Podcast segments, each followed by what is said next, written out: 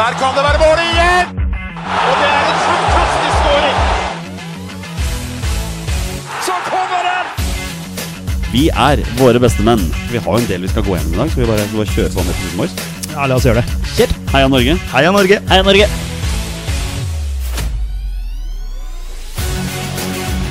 Takk, Ole Gunnar Solskjær!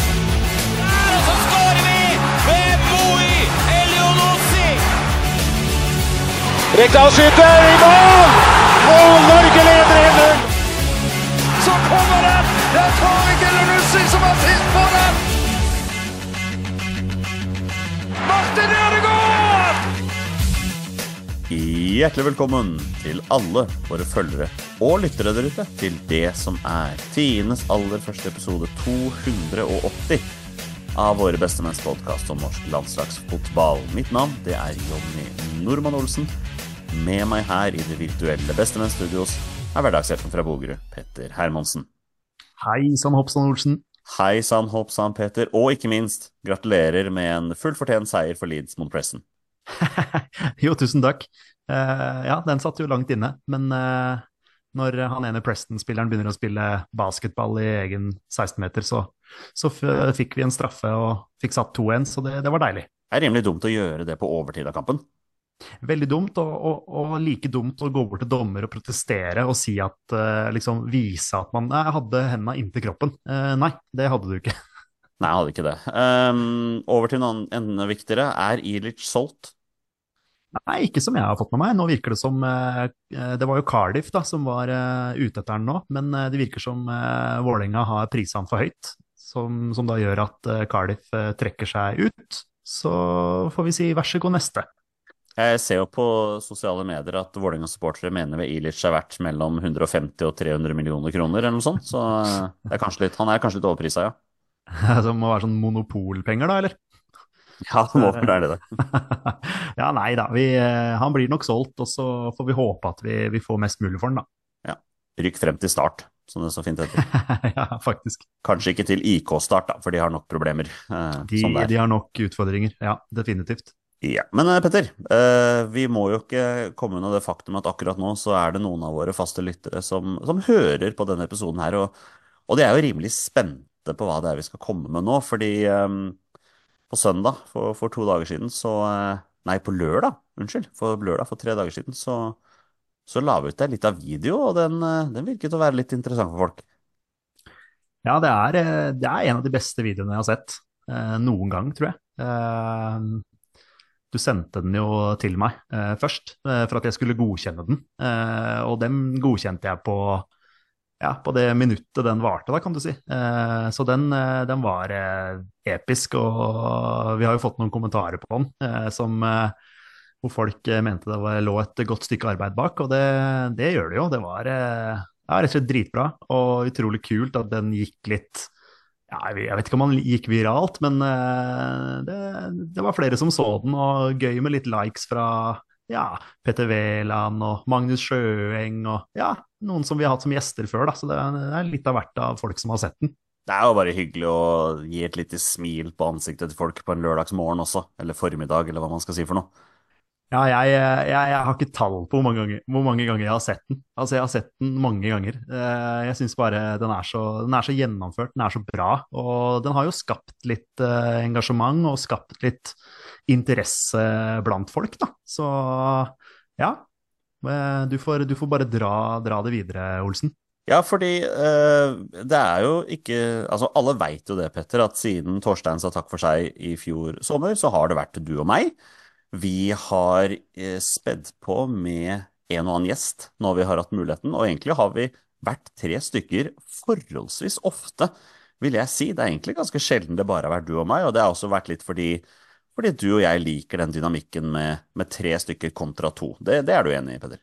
Ja, ja, det, er, det, gir noe, det, gir noe, ekstra å ha liksom en tredje, tredjemann eh, å, å, snakke med. Og, og, vi har jo hele tiden hatt lyst til å ha, ha med en, en, gjest som gjør at vi, vi hele veien har vært tre. Så ja, nei, vi syns vi har gjort en god jobb, men det er noe godt å, å endelig nå få på plass en tredjemann, da. Det må jeg si.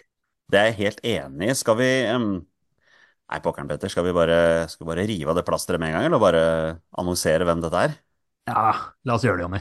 Ja, det, det syns jeg vi skal gjøre. Om vi ikke skal uh, rive av plasteret, så tror jeg ikke det kommer til å rive skinnet av pølsa, i hvert fall, dette her. Fordi uh, vi har gått tilbake til røttene våre, Petter. Og for meg, og for deg, så er det en sann glede å høre denne stemmen igjen. Hjertelig velkommen tilbake, rabagassen fra Raufoss, Torstein Bjørgo. Hjertelig takk. Hjertelig takk. Det er jo en sinnssyk ære å kunne sitte og jobbe med deg igjen, gutter. Sjøl Selv om det nå er over internett, så um, er jeg veldig, veldig glad for å være tilbake, faktisk.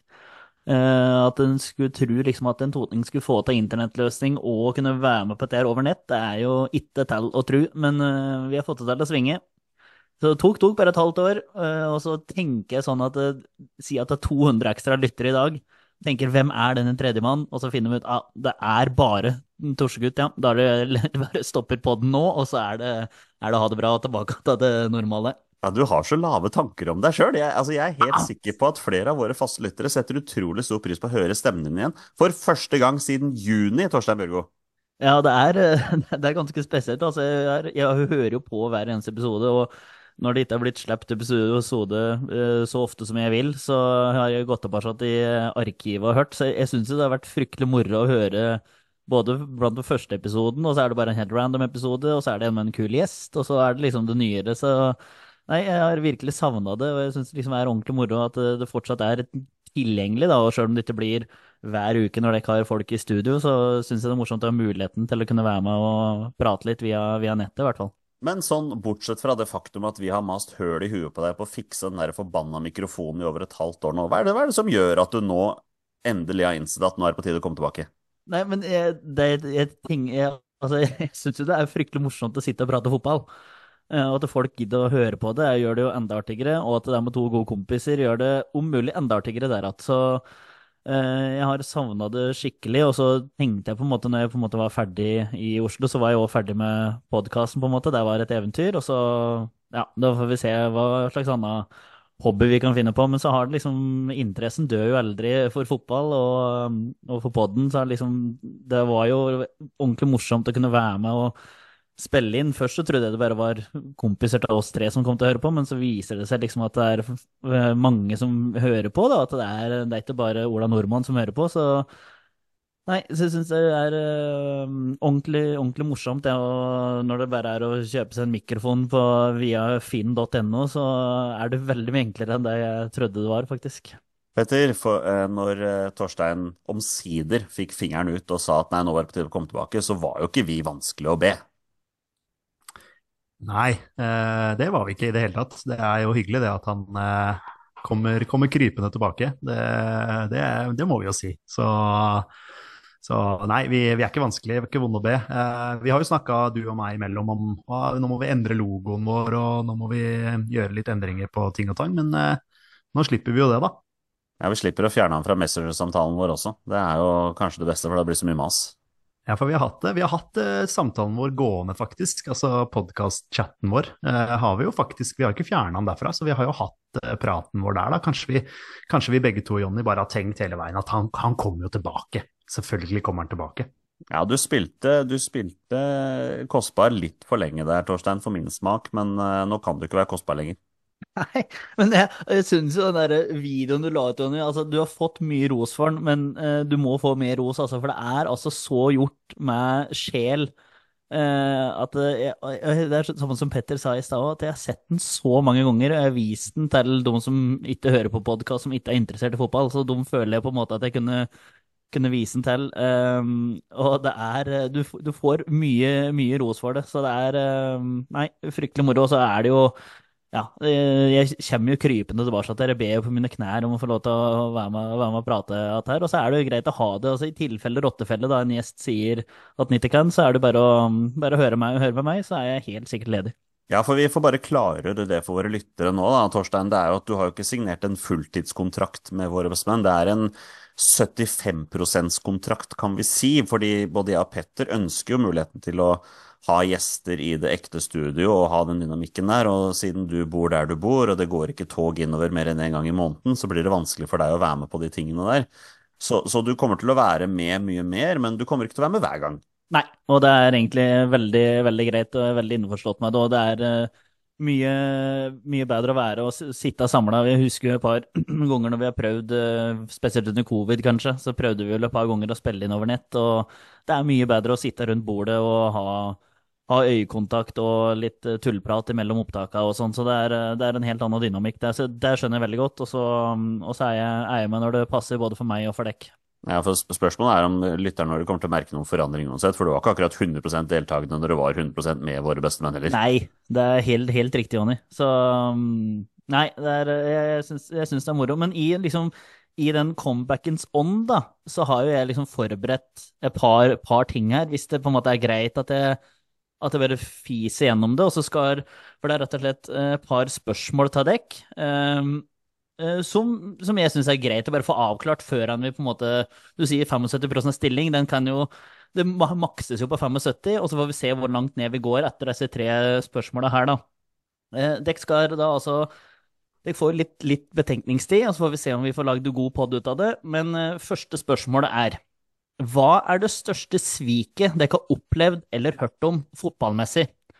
Er det Geir Bakke fra Lillestrøm til Vålerenga? Er det Daniel Fredum Holm fra Skeid til Vålerenga? Er det Robbie Keane fra Leeds til Tottenham? Er det Vidkun Quisling? Eller er det Torsegutt sin fratredelse fra VBM? Um, jeg tenker at Torsegutt sin fraskrivelse er det minste sviket av de der. Altså det, det var jo ingen overraskelse i hele tatt. Alle visste at du savna bygda. Um, av de fem så er det jo Geir Bakke. For min del, i hvert fall. Tenker du, Petter? Ja, den støtter jeg 100 Eh, Jeg liker jo at du drar inn Robbie Keane der, det syns jeg er morsomt. Men eh, jeg vet at han eh, fikk vel ikke spille i Leeds på akkurat den tiden der. Var det, var det Terry Venables da som var coach, eh, hvis ikke jeg husker helt feil. Men eh, det var et eller annet der som gjorde at han måtte dra videre. Men eh, ja, av de du, av de du nevner, så, så vil jeg dra Geir Bakke soleklart som nummer én. Eh, ja. Der fikk du den, Ja. Tors. Ja, nei, men Det er eh, veldig greit. Da, da har vi rydda unna den. Eh, vi kan ta eh, nummer to da, eh, her. Hva er det største comebacket det kan komme på? Er det Manchester United mot Bayern München i 99? Er det Besiktas Vålerenga i Istanbul? Er det AC Milan Liverpool i 2005? Er det Norge-Brasil i 98? Eller er det Torsegutt sin gjeninntreden i VBM? Nei, igjen er Torstein nederst på rangstigen der. Altså, altså, det er ikke så innmari stort som, som du ønsker at det skal være, Torstein. Uh, jeg kommer egentlig på i farten sånn 30-40 andre comeback som er litt større enn det, men jeg skal ikke ta de her nå. Uh, Norge-Brasil 98 for min del, Petter. Ja, det er jo vanskelig å komme unna den, da. Men eh, selvfølgelig står jo Besjiktas Vålerenga rimelig høyt hos meg òg. Så de, i og med at det er en landslagspodkast, så får jeg si eh, Norge-Brasil, da. Det der Liverpool-greiene er bare surr uansett, så. Ja, de, de, de, altså, de plasserer vi Ja, jeg er enig i at de er nederst, eh, og så får vi ta dem hakket foran, men det er Men, men, eh, men det sjukeste med den Champions League-finalen der, at det jeg husker aller best, er jo at Jerzy Dudek står på 19 meter på den ene straffen der og redder. Ja, ja han, og når han redder det der skuddet fra Sjusjenko der òg, med øret eller skulderen eller hva det er for noe, når han er helt i tåka, det er um, Og dommeren Nei, vi- bare Nei, nei, vi, vi, den straffen er godkjent, ja. Ja, ja. Men sånn var det på samtlige, egentlig. Men Ja, eh, ja, det er helt sjukt. Uh, men vi kan gå på tredje, uh, og nest siste segment fra meg nå. Hva er tidenes januarsignering? Er vi på Luis Suárez til Liverpool? Er vi på Patrice Evra eller Nemanja Vidic til Manchester United? Er vi på Andy Carroll til Liverpool? Eller er vi på Pablo Hernandez til Leeds? Eller Torsgutt til VB? Altså, der, der er du veldig slem. For av de der, så er du selvfølgelig deg. For, for min del, altså. Eh, fordi de andre er, kan jo ikke sammenlignes engang. Eh, Petter, hva med deg? Nei, eh, da jeg var, eh, da jeg var gjest i eh, Side Before Self, eh, den Leeds-podkasten som dessverre har forsvunnet, så fikk jeg jo spørsmål hvem er din favorittspiller i Leeds nå, og det, da svarte jeg Pablo Hernandez. Um, og han har vært ekstremt viktig for Leeds. Jeg har sett han live på Ellen Road skåre mål, og, og han skårte det målet borte mot Swansea, som vel gjorde nesten helt sikkert at Leeds rykka opp til, til Premier League. Så han, eh, den signeringa der har vært ekstremt viktig for Leeds, så eh, jeg vil sette den øverst, ja. Veldig ledende spørsmål fra deg, den siste der, eh, Torstein. Ja, det er det, er, det, er det for så vidt jeg er enig i det. Men dette var jo egentlig fine, fine svar. Um, skal jeg bare ta den siste her òg, Jonny? Sånn, for det blir et litt sånn uh, en monolog. Skal vi bare ta den før vi Ja, altså, vi, kikker vi er allerede på verdens lengste intro, så vi kan bare gjøre den litt lenger. Nei, men da, da gjør vi det. Fordi jeg har jo hørt på denne podkasten et halvår. Eh, og så er det ei spalte eh, som eh, jeg hadde en gang i tida. eh, som var, besto da av heit og teit. eh, og det besto jo da av 14 heite og 29 teite. Eh, nå har jo Pettersen tatt over denne den her, her eh, med bravur. Med bravur. Eh, og så har jeg tenkt litt på da, åssen vi skal gjøre dette. Om vi liksom skal være eh, cocky og bare tenke at eh, nei, pokker ta, denne her skal jeg jo ikke ha igjen. Eller skal jeg da bare være game og gi den få, Altså sende stafettpinnen videre, da. Så derfor har jeg rett og slett bare tatt og så googla eh, et eller annet her, og så skjønner dere ganske kjapt eh, hvor, hvor jeg vil. Kjære dere to. Det, det blir for så vidt på bokmål, for jeg klarer ikke å oversette til totning med en gang. Kjære dere to. Dere har kommet hit i dag for å bli sammen til ektepar. Jeg vil minne dere om hvilken stor og viktig begivenhet det er når to så viktige deler velger å leve sammen i ekteskap. Ved å inngå ekteskap lover dere hverandre samhold og støtte i alle livets forhold, både i medgang og i motgang. Men dere lover hverandre mer. Ekteskapet innebærer at dere lover hverandre kjærlighet og troskap. Det å love hverandre kjærlighet for resten av livet er det vanskeligste løftet vi kan gi et menneske å spalte. Det krever at dere setter dere høye mål for samlivet, og det krever deres oppriktige vilje til å strekke dere mot disse målene i dag og i tiden som ligger foran. Ved å inngå ekteskap blir dere en enhet, men dere fortsetter også å være to selvstendige og likestilte enheter. Eh, Kjærlighet er, også en, eh, kjærlighet er også å vise respekt for hverandre. Det er en rett jeg har, men også en plikt som er pålagt meg etter loven, å legge dere to nå alvorlig på hjertet, at dere skal leve etter det løftet som dere gir hverandre her. Og nå, jeg spør deg først, heit eller teit, vil du ha Petter Hermansen som står ved din, på den andre siden til din ektefelle? Ja! Så spør jeg deg, Petter Hermansen, vil du ha Hate eller Tate som står på den andre siden til din ektefelle? Ja. Eh, siden dere nå, i vitners nærvær, har lovet hverandre å leve sammen i ekteskap, erklærer jeg dere med dette for å være rette ektefolk. Betyr det at du har gitt fra deg heit eller teit, eller er det bare... Jeg gir stafettpinnen videre. Det er Ja. herved bekrefta. Wow, det var eh, Jeg skal vi la lytterne våre få lov til å avgjøre hva de syns om det segmentet der, Petter. Men eh, det, er, det er stort av deg, Tors. Ekst, ekstremt stort av deg, Tors, at du gir bort uh, heit eller teit på den måten. Så får det være opp til våre følgere, tenker jeg, hva de syns om dette segmentet her. For det var, eh, det var virkelig noe for seg sjøl. men boys, nå, nå har denne introen vært for lang, og vi har, uh, vi har en kul episode foran oss. Så Petter, skal vi bare kjøre i gang, eller? La oss gjøre det. Hør! Å, jeg har vært savna. Da gjør vi det.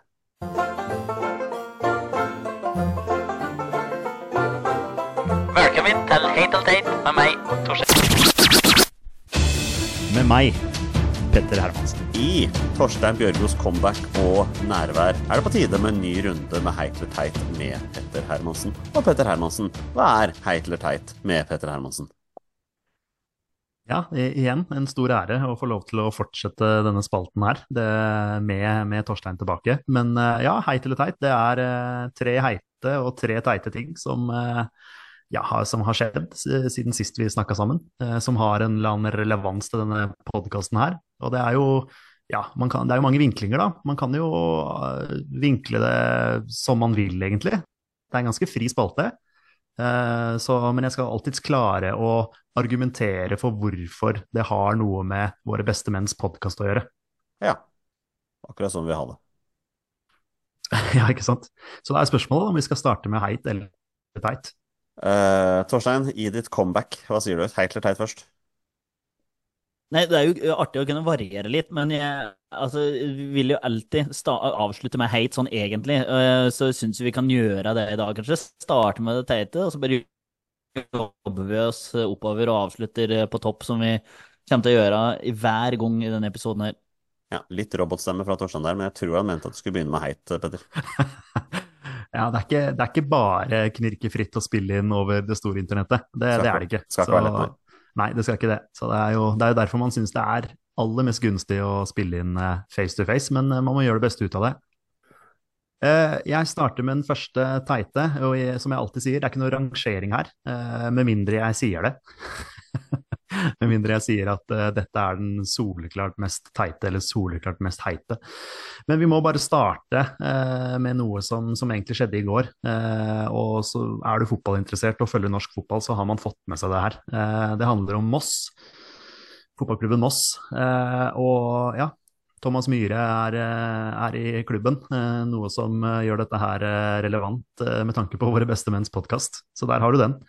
Eh, Og det er sikkert en del i Kråkevingen som eh, heier på det norske landslaget også, så der kunne man fått en annen vinkling. Men eh, ja, det som har skjedd, er jo rett og slett det at Moss, fotballklubben Moss har jo da informert Kråkevingen om at de har engasjert advokat, fordi supporterklubben selger supporterartikler med Moss-logoen på. Dette er jo noe Kråkevingen har gjort i mange, mange år, og aldri fått noe pes for det før.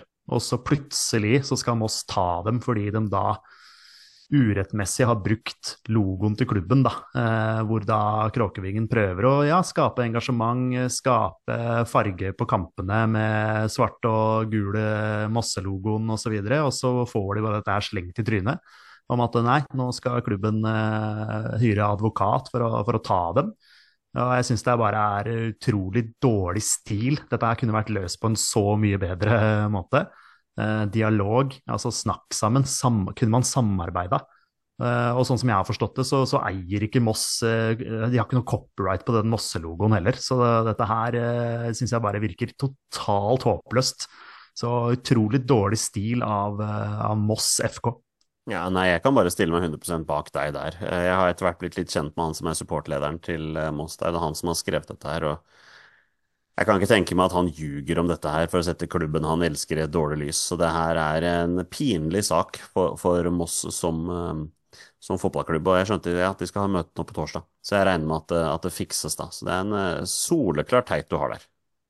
Ja, den, eh, den, den, den kom inn her, og, og da, den, måtte inn på lista. Det er eh, Nei, jeg syns det har rett og slett dårlig stil å, å ta det på den måten der. Eh, Det kunne vært løst på en så mye mer smidig måte. Så det er eh, Så nei, eh, støtter Kråkevingen og håper de eh, får, eh, får fortsette å skape ja, eh, ordne supportereffekter osv. Og, så videre, og så leste jeg noe sånt som at når da Moss skulle, skulle lage noe med denne logoen, så måtte de spørre supporterklubben om de kunne få fila fra dem. Altså, det er helt uh, amatørens aften. Det er uh, helt håpløst. Så en, en soleklart teit. Jeg er spent på om du får noen teite som er verre enn den, altså. Jeg kan hoppe til neste, jeg. Uh, Det neste på teit, det er rett og slett Ruben Gabrielsen. Ruben Gabrielsen har vært med i podkasten til Moshaga Bakenga, som har det kule navnet uh, Mush Hour, eller ja, Mush Hour, alt etter sånn, fra Rush Hour. Kult, kult podkastnavn. Eh, Jeg skal lese sitat fra Ruben Gabrielsen. Hvis vi putter meg inn i Brighton nå, så spiller jeg fast. Ikke tvil i mitt hode. Jeg har bare ikke fått sjansen. Med hånda på hjertet så tror jeg at jeg kunne spilt mange år i Premier League. Det er jeg 110% sikker på. Ja, um, det er jo Han, han har god selvtillit, da. Det, det, det skal vi si. Ja, altså det var jo det den sekvensen, eh, eller segmentet, handla om selvtillit, da. Eh, Så det kan jo godt hende at Gabrielsen her har litt, eh, litt glimt i øyet, og det, det har han jo. Han er jo en eh, frittalende fyr. Men putta han inn i Brighton, og Brighton er, var nummer syv i Premier League, som er en av de beste ligaene i verden. Eh, Brighton har etablert seg som et topplag i, i England, og så skal Ruben Gabrielsen, da, som, som har hatt en ganske middels uh, eliteseriesesong i fjor, eh, han skal bare spasere seg inn på det Brighton-laget. Det, akkurat det, det tror jeg ikke noen ting på. Men at han kanskje tidligere i karrieren eh, Torstein, du kjenner jo eh, Ruben best. Kanskje i eh, glansdagen hans at han kunne, kunne gjort en jobb i, i Premier League. Hva tenker du, Torstein? Når jeg vokste, spilte fotball sammen med Ruben da vi var små, så var han et fysisk monster og et eh, unikum ganske tidlig. Eh, og det, når du er så fysisk sterk og rask og altså, kraftfull som han er i, all mulig positiv forstand fra ifra 11-12-årsalderen til 17-18-årsalderen, så eh, har du et vanvittig fortrinn, da. Eh, så han gikk jo til Lillestrøm og sånn ganske tidlig. Eh, han eh, har nok aldri vært i nærheten til å være noen Premier League-spiller i det hele tatt. Jeg har eh, spilt med både bedre spillere og svakere spillere enn han, som ikke har nådd så langt som han har har nådd, eller som ikke er i nærheten til å komme til Premier League. Så det er jo på en måte det forskjell, Jeg liker jo at folk er breiale og tøffe i kjeften og sånn, og det er litt morsomt, men det er jo forskjell på sjøltillit og sjølinnsikt her. Eh, Det er jo der liksom hele, hele greia er. Og det verste er at jeg tror, jeg tror han mener det. Og jeg husker òg før sesongen, så da skal du fyre opp eh, før sesongen starter. Eh, kampen, han, han så fram til to kamper, og det var kampen mellom Lillestrøm og Søpla, som han da kalte Vålerenga. Eh, Vålerenga-Lillestrøm, hvis jeg ikke husker helt feil, så er den i mai. Eh, altså på Intility. Er det riktig, Petter? Uh, ja, var det, var, det- det det, var det 1. mai, da? Ja, det, ja, det, ja, for det var, det var i hvert fall fint vær og eh, fin ramme og hele pakka. Men eh, det, var, det sier liksom litt om altså Det er kult at du skal se fram til noen kamper, men det er 28 andre kamper som skal spilles. Han blir henta hjem igjen. Sikkert en bra lønn. Eh, og så leverer han en ganske middels sesong, som du var inne på, Petter. Lillestrøm gjør ingen sånn kjempesesong. Nå blir jo ting forstyrra i sommer da, av en uh, trenerovergang og litt sånn der. Men han leverer en ganske middels sesong, og så går han på slutten av en da, ja, jeg vil si en svak sesong, sånn som Lillestrøm hadde forventa, og sier at han skal gå rett inn i et Brighton-lag som eh, har levert to minst to fantastiske sesonger i Premier League nå. De vinner gruppa si i Europaligaen og er klare for Er det kvartfinale det blir der? Eh, eller kanskje åttendelsfinale først, hvis jeg ikke husker feil. Men ja, så eh, det er eh, jeg, jeg liker folk som har glimt i øyet, men eh, det må være litt sånn realisme i det òg. For min del skal det liksom eh, komme helt på humortoget, så akkurat her står nok jeg igjen på perrongen, og det kjører forbi, altså. Jeg tror jeg Ruben er skuffa over deg, Torstein. Eh, ja, eh, jeg spurte jo Ruben om han skulle være med en, eh, i en episode her òg, med oss. Eh, da Ja, det, det kom ikke noe svar, for å si det sånn. Det, nei. Så vi er nok ikke Jeg, jeg hilser på han når vi møtes, og, så, og der stopper det nok. All right. To solide teite fra Petter her. Hva blir den verste? ja, verste eller beste, eller hva, hvordan, du, hvordan du kan si det. Eh, den siste jeg har på teit, det er Torstein Bjørgo. Som eh, ja, kommer krypende tilbake, da. Etter å ha vært på ja, kall det free transfer eh, en, en stund, et halvt år. Kom ikke noe bedre tilbud, nei. Satt der og venta på at jeg nå skal bli plukka på en eller annen podkast, om det var Raufoss-podden eller Lillehammer-podden eller noe sånt noe. Nei da. Du er som en fotballspiller som sutrer seg vekk fra klubben, men så når det ikke dukker opp noe bedre, så bare kommer du krypende tilbake og later som om ingenting har skjedd. Det var ikke Jo Inge skaffe. Faktisk. Ja, det var ikke mulig å skaffe noe utstyr før nå, nei. Men det er greit. Torstein, vi er glad i deg, og vi er glad for at du er tilbake, men du må tåle litt tyn. Det, det, det må du tåle. Altså, det er jo en soleklar teit, jeg er jo helt enig. Og poenget du illustrerer her med Altså, jeg, jeg så jo for meg at etter en kometkarriere i VBM, så skulle det bare bli plukka opp rundt om her. Ishockeypodden, sjøl om jeg ikke har noe særlig peiling på hockey. Jeg kunne vært overalt. Jeg tenkte på at nå kommer det til å vasse i tilbud. Uh, helt stille. Helt stille fra, fra alle verdens hjørner. Så da tenkte jeg bare ja, ja, da får vi bare prøve å smyge oss inn her, da, som ei rotte. Mens våre Ja. beste menn har dura av gårde et halvt år uten å merke noen ting. Så er det ja. ja ja. Nei da, det er veldig godt å ha deg tilbake, Tors, men den er soleklar, den teite der, altså. Ja, jeg, jeg er helt enig. Jeg er helt enig. Den der, det, det skal mye til for å toppe den der, altså. Altså, jeg husker jo veldig godt, det var rett etter siste episode i juni, hvor jeg begynte å snakke om du kan jo bare skaffe deg en mikrofon. Og du bare ja, nei, jeg skal se litt på det. Så så du på det et halvt år. Ja, det sa du, Men du vet òg, jeg også har hørt på siste del av eh, altså siste episoden min, og der er det òg Jonas Aune Sunde som lover å sende meg med brev om Markus Henriksen også. Jeg har ikke mottatt ett eneste brev, jeg. Så det er jo litt oppfordring dit òg, at eh, jeg har ikke fått noen ting i posten min. Jeg bare får sånn eh, DN, brev fra DNB og Aidsiva eh, forsikring og sånt. Så det er, eh, Ganske syltynt. Ja, men siden den gang har den podkasten fått 14 heltidsansatte og millioner på konto, så det er ikke rart du ikke hører noe fra dem, så. Nei, det, det kan nok eh, hva det kan ha noe med det å gjøre. Ja, har du noen heite til oss, eller, Peder? Ja, jeg har jo det. Jeg har jo det. Uh, den første heite eh, jeg tar i dag, det er eh, Jesper Daland. Som eh, rett og slett er eh, ute i media og sier han vil prøve noe nytt. Eh, og han håper da at en overgang kan hjelpe han inn i landslagstroppen. Og det er jo musikk i våre ører. En spiller som, som ser det at et steg opp vil gjøre at han kanskje stiller i en bedre posisjon inn mot landslaget.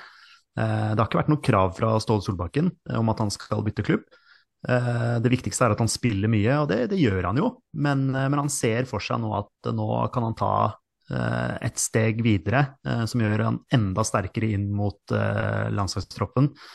Eh, Vi har eh, privatlandskamper i, mars, eh, og der forventer jeg jo at Jesper Daland er med, og at han også får, eh, får spilletid. Eh, Men jeg liker, eh, jeg liker innstillinga hans, eh, og at han virkelig, virkelig har lyst til å spille med flagget på brystet. Eh, Og det er, eh, ja, igjen, musikk i våre ører, og jeg håper at han, at han tar et uh, fornuftig steg videre, da, hvis han får et, uh, et bra tilbud. Det er jo mulig Jesper Daland er et navn vi kanskje nevner litt seinere i denne podkasten her også. Sånn kanskje, muligens. Jeg blir veldig overraska hvis ikke han blir eh, i hvert fall nevnt, ja. Ja. Eh, Torstein, Jesper Daland. Eh, Ja, jeg kommer sikkert tilbake til det senere, ja, men jeg har liksom ikke sett Jeg har bare hørt veldig mye bra om han. Eh, og han var vel på noe prøvespill i Monaco her òg, hvis jeg ikke husker helt uh, feil. Og så vet jeg ikke helt hvorfor det ikke ble noen overgang, uh, men ble det overgang? Var han lånt ut? Nå er jeg helt på bortebane. Nei, jeg mener at han ikke ble det. Men uansett, han var i hvert fall i aktuell der, da. Så det, jeg håper at han kommer til en liga hvor det går an å kikke mer på han, for belgisk fotball det er liksom ikke det er ikke det jeg søker opp en fredagskveld. Så at han kunne komme i ja, Tyskland, ikke realistisk, da. Altså en, en klubb i Bundesligaen, så vi kunne fått, eh, kunne fått sett den. 24 år, var det det du sa, Petter? Eh, Jeg har vel ikke nevnt alderen hans, men okay. Ok. ja, jeg tror faktisk han er eh, Jeg tror det stemmer, faktisk. At Ja, for jeg er 24. leste samme, jeg leste samme artikkelen som deg, og eh, jeg er helt enig i at det, det pirrer litt, altså. Å få opp et nytt stoppertalent, og så se hva, se hva han kan bidra med. Han ble Og så er 24, han ble 24 i januar. Ja, ikke sant. Og så er det som Ståle Solbakken sier også, han sier det rett ut at den stoppeplassen er up for grabs. Så, så her, er det, her er det store muligheter. Eh, og Daland er jo en de har hatt i, i kikkerten en stund. Så, men jeg, ja, igjen, jeg liker innstillingen til Daland. Så, så håper, han, håper han lykkes, og at det, at det skjer noe eh, positivt nå i, i januarvinduet. Ja, helt, enig, helt enig med deg, Petter. Eh, hva er neste heite? Neste heite, eh, den var det du som gjorde meg oppmerksom på, Jonny. Det er rett og slett Oliver Braude. Ja, Eh, og hvem er egentlig Oliver Braude? Eh, han har jo havna litt i skyggen, da, for han spiller jo i samme eh, klubb som Osame Sarawi. Og det er jo som regel Osame Sarawi som, som, som ja, stjeler overskriftene. Han eh, er A-landslagsspiller og en, en velkjent herremann. Men eh, Oliver Braude er jo da en spiller som har spilt nå 14 eh, seriekamper for Heerenveen på rad. Eh, så han er fast invitar på det, på det laget der. Han er 19 år eh, unggutt som gikk til Heerenveen fra Vålerenga i eh, 2021. Og det er rett og slett en Altså, ja, igjen, han havner litt i skyggen, men eh, man blir jo litt sånn fascinert når man plutselig ser at oi, vi har en 19 år gammel nordmann som spiller fast i eh, øverste divisjonen i, i Nederland. Det er jo kjempestort. Og litt sånn one to watch, da. Så vi får følge litt med på han. Han er primært høyreback, eh, men har også spilt en del sentral på midten. Eh, Så litt sånn anvendelig eh, spiller der. Så spennende. Har vært i Stabæk og Vålerenga da, før han, eh, før han gikk til, eh, til Heerenveen. Så han eh, fikk jo aldri noe sånn eh, kamper i Vålerenga på, på A-nivå eller på, på andrelaget der. Men eh, så han ble henta til Heerenveen som, eh, som pur, purung gutt. Så det blir spennende å følge utviklingen hans videre, og har U20-landskamper da nå den siste tiden, kan du si, for, for Norge.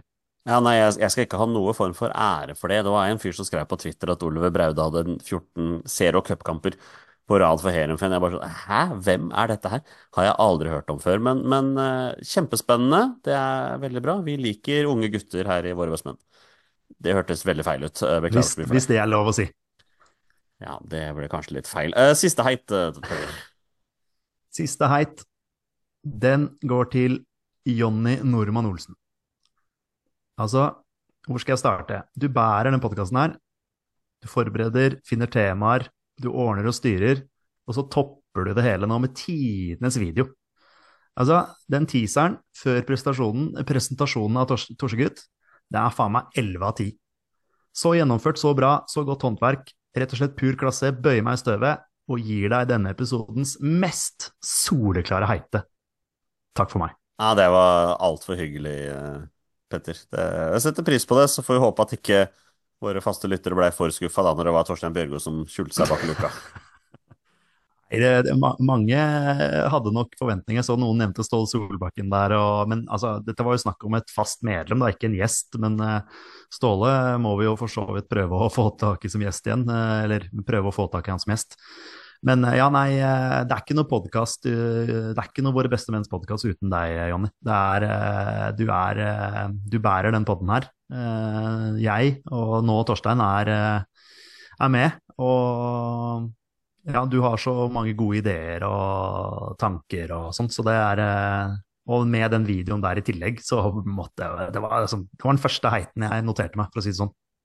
Altfor hyggelig. Uh, tusen takk. Uh, og, og, Torstein, jeg, jeg, vet jeg er slem med deg, men det er veldig hyggelig at du er tilbake, altså. Virkelig. Ja, jeg takker og bukker, men jeg må si velfortjent hyllest, den der også. Og så ser jeg fram til videre samarbeid. Glimrende norsk spill, Mykland til sitt. Ja, det kan ikke gjøres vakrere. Et fantastisk norsk angrep. Og Gunnar Halle, han skårer sitt tredje mål for kvelden.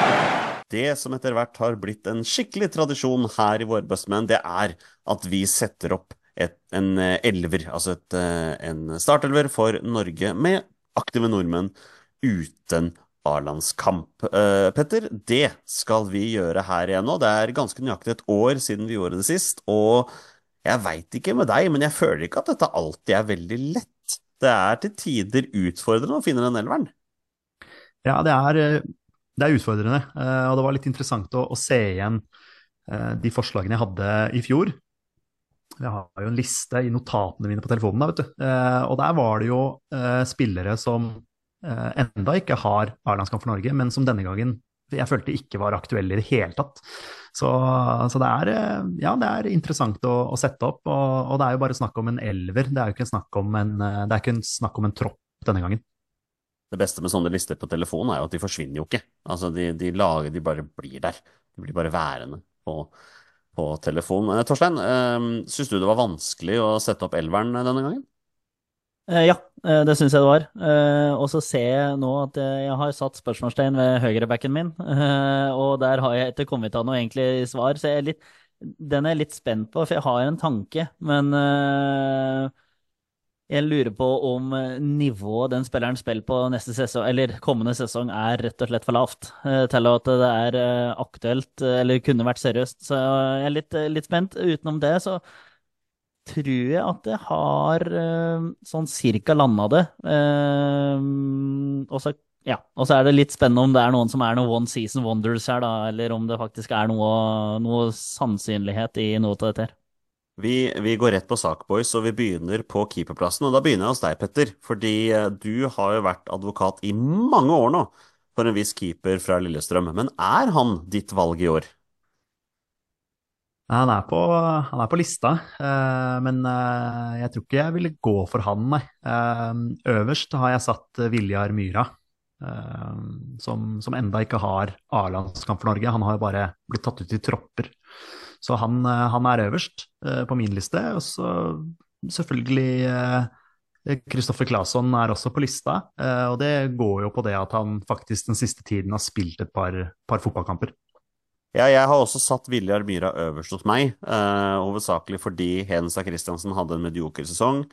Og Claesson er nok det største talentet, men han spiller rett og slett for få kamper.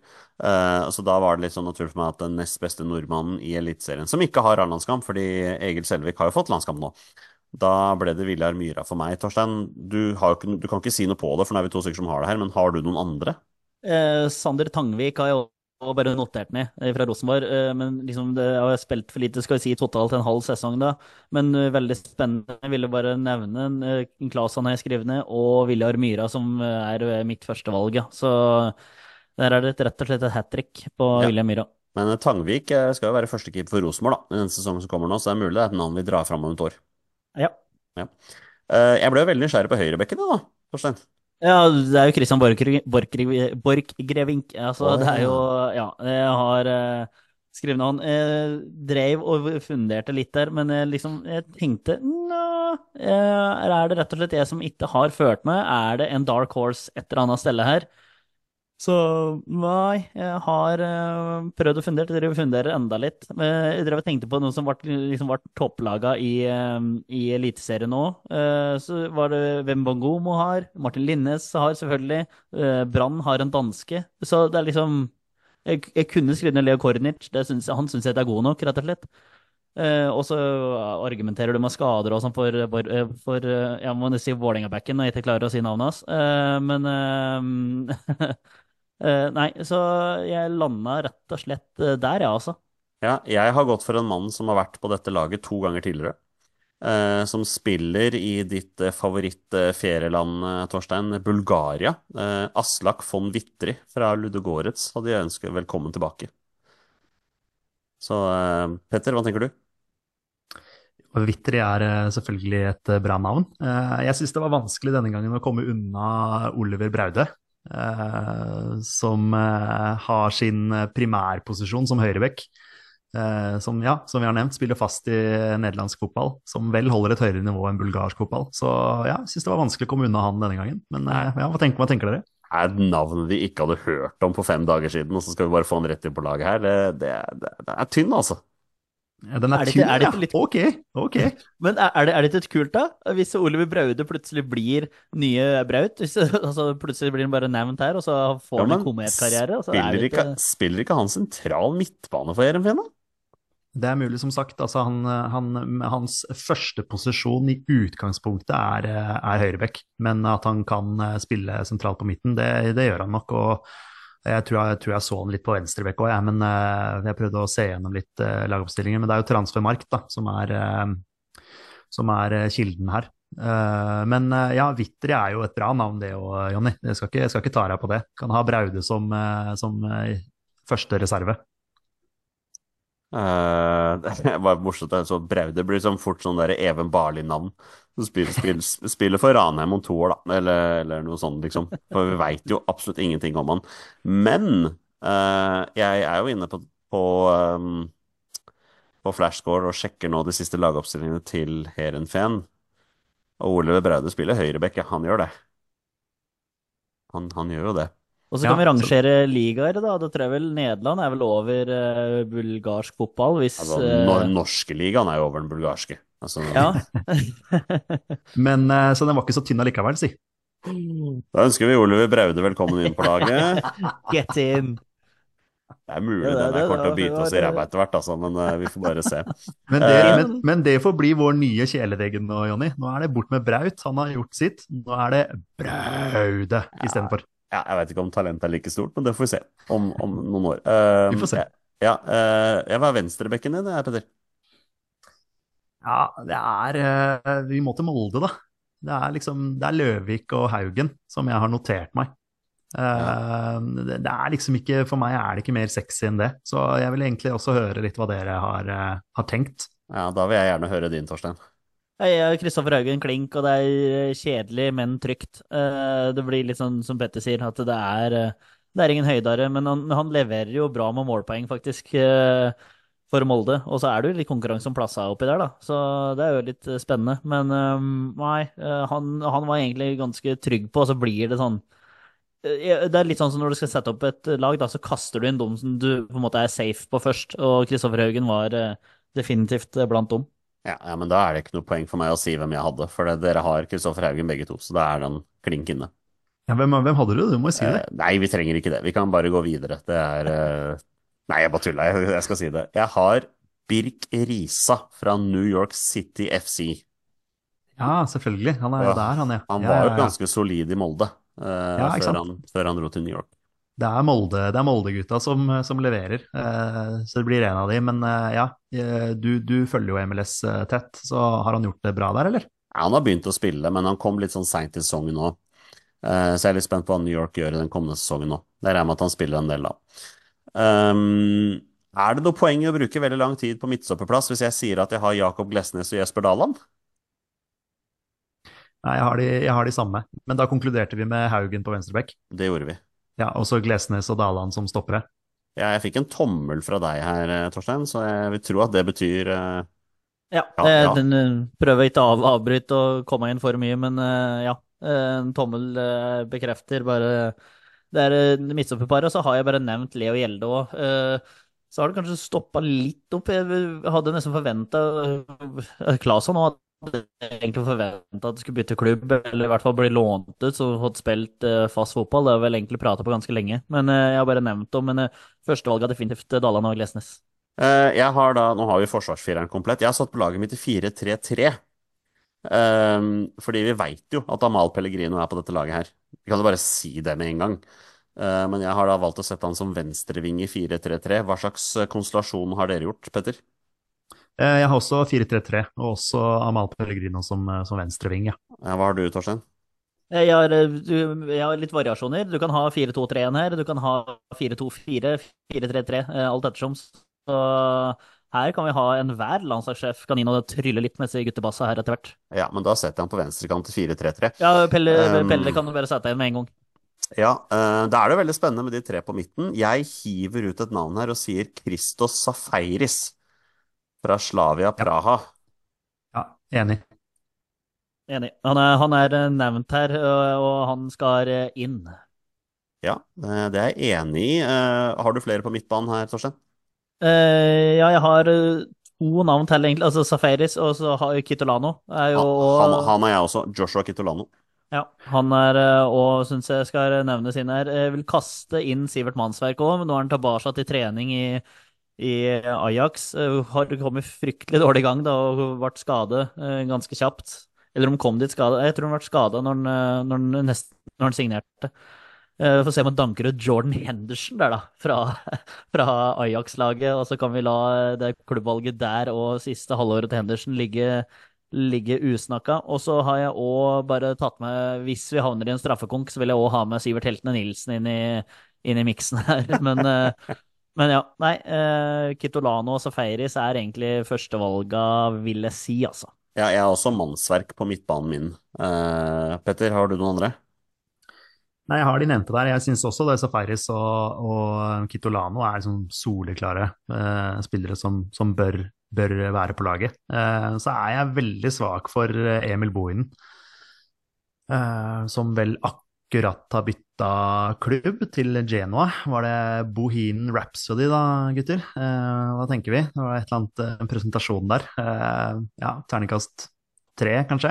Nei, nei, du er oppe på fire der, altså. Den er, Ja, er det, på så fire. dum. det er ikke så dum, den der, altså. Nei, jeg så italienerne hylla det, så det er kanskje jeg som ikke helt skjønner greia. Men eh, jeg er litt svak for han. Eh, så han er liksom en av mine ja, indreløpere der, da. Hvis du da har Kitolano kanskje på en mer sånn defensiv der, og så har du Safaris og ja, du kan jo også ha mannsverk som en av de eh, på den defensive, da. Så jeg er litt sånn usikker på hvordan man skal sette det opp. Ja, Det er heldigvis ikke, opp, heldigvis ikke opp til oss, det er til Ståle. Vi bare tar ut laget hvis det er han for å sette opp hvem som skal spille hvor. Men tenker vi da eh, Kitolano, mannsverk og eh, Safaris? Yes, det tror jeg vi har. Eh, jeg er veldig spent på høyrekanten deres, jeg. Torstein Bjørgo. Eh, ja, uh, jeg har egentlig uh, satt ned og bestemt meg på Tobias Gulliksen. Ja, ja. Han eh, Får han en fantastisk sesong for uh, høytflyvende Bodø-Glimt i åra, Torstein? Det spørs deg, da. Nå ser jeg jo at Håkon Evjen er på tur tilbake til Bodø-Glimt, så han er jo faktisk også et navn som kunne kaste inn her fra venstre eller høyrekanten og skjære inn og klinke til. Men han har vel Er ikke noe nødlandslag der, da? At Jo, han var jo, med på han- noe Ja. Han, han har spilt, ja. Ja, så, men, Um, eh, men eh, altså, det blir jo konkurranse der. Og så husker jeg jo at eh, Eller om det var meg, eller var det Petter, som hadde han uh, Sugel som uh, vår Player Dark Horse. player eller to watch noe. i fjor, ja. Ja, Player to Watch, ja. Det var meg. ja, så om Evjen skal inn der, og så får vi se hvor Gulliksen uh, går. De skal jo ut i Europacup og sånn Bodø-Glimt òg, så Pellegrino blir jo ikke yngre han heller, så det kan hende det blir venstrekanten for, øh, for Gulliksen. Så det skal bli spennende å se hva, hva de kan trylle fram øh, der i år, altså. Ja, Bodø-Glimt satser tungt i år, altså. Virkelig. Eh, jeg har også Gulliksen på høyre. Har du noen andre, Petter? Eh, Gulliksen har jeg også, men jeg har også notert meg Emil Konradsen Seid. Eh, Ja. Han eh, er jo primært venstre, da, men kan også spille høyre. Um, så han er jo en, ja, en, egentlig en veldig veldig spennende spiller. Det er jo Gulliksen òg, så det er jo to, to alternativer der, i hvert fall. Ja, det er det. Nå er vi to stykker her som har Gulliksen som førstevalg, så jeg tenker jeg den kjenner gjennom. Men jeg er ekstremt spent på spissplassen deres her, eh, mine herrer. Um, Jeg begynner hos deg, Petter. Hvem- skal være spille spiss på det laget her? Det er så syltynt at eh, jeg har liksom vært innom eh, Ole Sæter og sånn. Det er, det er syltynt. Men det, er, var- det ble Botheim, da. Det var han som liksom ble Han har vel enda ikke debutert på A-landslaget. Nei, Jeg er spent på hva du syns for min når jeg kommer dit, men jeg vil gjerne høre Torstein sin først. Ja, jeg har eh, to alternativer, skulle jeg nesten si. Eh, Jeg drev og pratet på One Season Wonder. Vegard Erlien har, altså, Han noterte henne, men han putta vel 15-16 seriemål, og det er veldig imponerende. Men 10 av det var vel dratt straffespark, da. Så, eh, men jeg syns Vegard Erlien han har en, sånn derre- en herlig sånn der dukke-opp-spiller. og meget, meget bra, altså. Så, eh, og han havna litt på eh, benken mot eh, slutten av sesongen her og kom inn og endra matchen òg, så han vil jeg skyte inn her, men jeg har Når vi har to dribleglade kantspillere, så vil jeg ha en løve på topp. Og der har jeg da Ole Sæter. Altså, vi har nettopp eh, sendt inn Oliver Braude på det laget her, en fyr som ingen av oss hadde hørt om for fem dager siden, så her er det plass til One Season Wonders, altså. Eh, jeg har også eh, Vegard Erlien, i, i mangel på alternativer, men jeg Altså, Erik Botheim var jo en tropp i fjor. Jeg er jo inne og ser her nå, han, han, han gjør det ikke bra i Salernitana, altså. Han får nesten ikke spilletid. Um, men har, han har vel én sesong med Bodø-Glimt hvor han har vist hva han kan, som, som for alvor, liksom. Så det bare sier litt at det litt, begynner å bli tynt med, med spissalternativer som ikke har spilt landskamp for Norge. For vi hadde jo Bård Finne på det laget her tidligere også, men han har begynt å spille. Så um, uff, nei, dette er vrient, ass, Peder. Ja, det er, det er vrient. Men hvis du skal, eh, hvis du skal basere det på, på mål eh, og kamper osv., så, videre, så er jo Erlien et ganske bra valg, da. Mens eh, Botheim var jo en som, som ja, man hadde litt trua på, og så har det stoppa litt opp der. Så han spiller jo nesten ikke fotball, som du sier. Så eh, hvis du skal basere det på form og, og mål, så er jo Erlien foran i køen. Ja, men skal vi, skal vi gå for Vegard Erlend, da? Det blir sannsynligvis første og siste gang han er med her. Ja, vi, vi må jo bare det, da. Det er jo ikke så veldig mange andre alternativer. Da kunne man gått for en sånn TV-løsning igjen, men det, det blir litt tynt igjen. Så Jeg drev og tenkte også et Nei. navn, men uh, ikke, ikke, for denne, ikke for denne elveren her. Men, men da blei det Erlind, da. Det ble, det ble Vegard Erlien. Og med det er eh, den sjette utgaven av En elver med nordmenn uten A-landskamper klar, og vi presenterer Viljar Myra fra Strømsgods i mål. Forsvarsfireren Oliver Braude Heerenveen, Jakob Glesnes Philadelphia Union, Jesper Daland Sersle Brygge og Kristoffer Haugen Molde. Trio på midtbanen Sivert Mannsverk Ajax, Joshua Kitolanos Sparta Rotterdam, Christos Safaris Slavia Praha. Trio framme Tobias Gulliksen Bodø-Glimt, Vegard Erlien Tromsø og Amal Pellegrino Bodø-Glimt. Veldig nordnorsk på topp der da, Petter. Ja, men de har jo, de har jo levert. Og ja, Amal, Pellegrino var vel den første jeg noterte på det laget her, tror jeg. Det var liksom soleklart at han skulle, skulle med. Så er det opp til eh, Ståle da, å få det beste ut av den elveren her. Eh, Det jeg skal gjøre nå, er at nå skal jeg, bare for moro skyld, lese opp de fem lagene vi har stemt fram tidligere. Da er spørsmålet, Petter, skal vi begynne i fjor, eller skal vi gå helt tilbake til start? Nei, jeg syns vi skal gå tilbake til start. eh, Gå igjennom eh, fra keeper og opp til spissplassen, og så tar du neste år. Det syns jeg er ryddig. Det vi gjør da, Torstein, du skal få lov til å vurdere først. Jeg kommer til å fortelle deg eh, keeperen og forsvarsfireren vi hadde i desember 2017, og skal du få lov til å vurdere ja, det var smart, eller hva faen tenkte vi på? Er du klar for det? Ja, ja, det er veldig, veldig greit. All right. Her er da keeper og forsvarsfireren fra desember 2017. Keeper Anders Kristiansen, Sarpsborg 08. Forsvarsfireren Aminori, klubbløs. Kristoffer Ayer, Celtic. Sigurd Rostedt, Sarpsborg 08. Og Jeppe Mo, Stabæk. Ja, men altså, der var det blanda drops. Eh, vil, to av tre er jo klink. Altså, det har jo vært eh, bra representanter for landslaget, det. Eh, tre andre der er jo et hodemist av de grader. Altså, Vi stemte, vi stemte fram en klubbløs Aminori som beste høyrebekk uten A-landskamper. Vi sliter alltid med høyrebekken, eller? Vi gjorde det desem- desember 2017 i hvert fall. da, det, der var, det der var skremmende. Petter, da får du midtbanefireren og de to på topp. Fra desember 2017. Eirik Ulland Andersen, Strømsgodset. Fredrik Haugen, Brann. Gya Sahid, Apoel. Kristoffer Sakariassen, Sarpsborg 08. Erling Braut Haaland, Molde. Og Sander Svendsen, Hammarby. Oi, oi, oi. Det var noe, jeg synes i hvert fall tre av de var noe rimelig greie. da. Sakariassen, Sahid og Braut Haaland var jo ganske bra treff.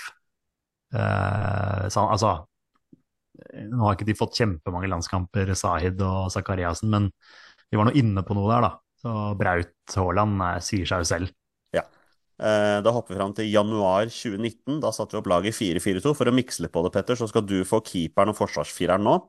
Eh, I januar 2019. Even Barli, Ranheim. Andreas Vindheim, Brann. Leo Schiri Østegård, Brighton.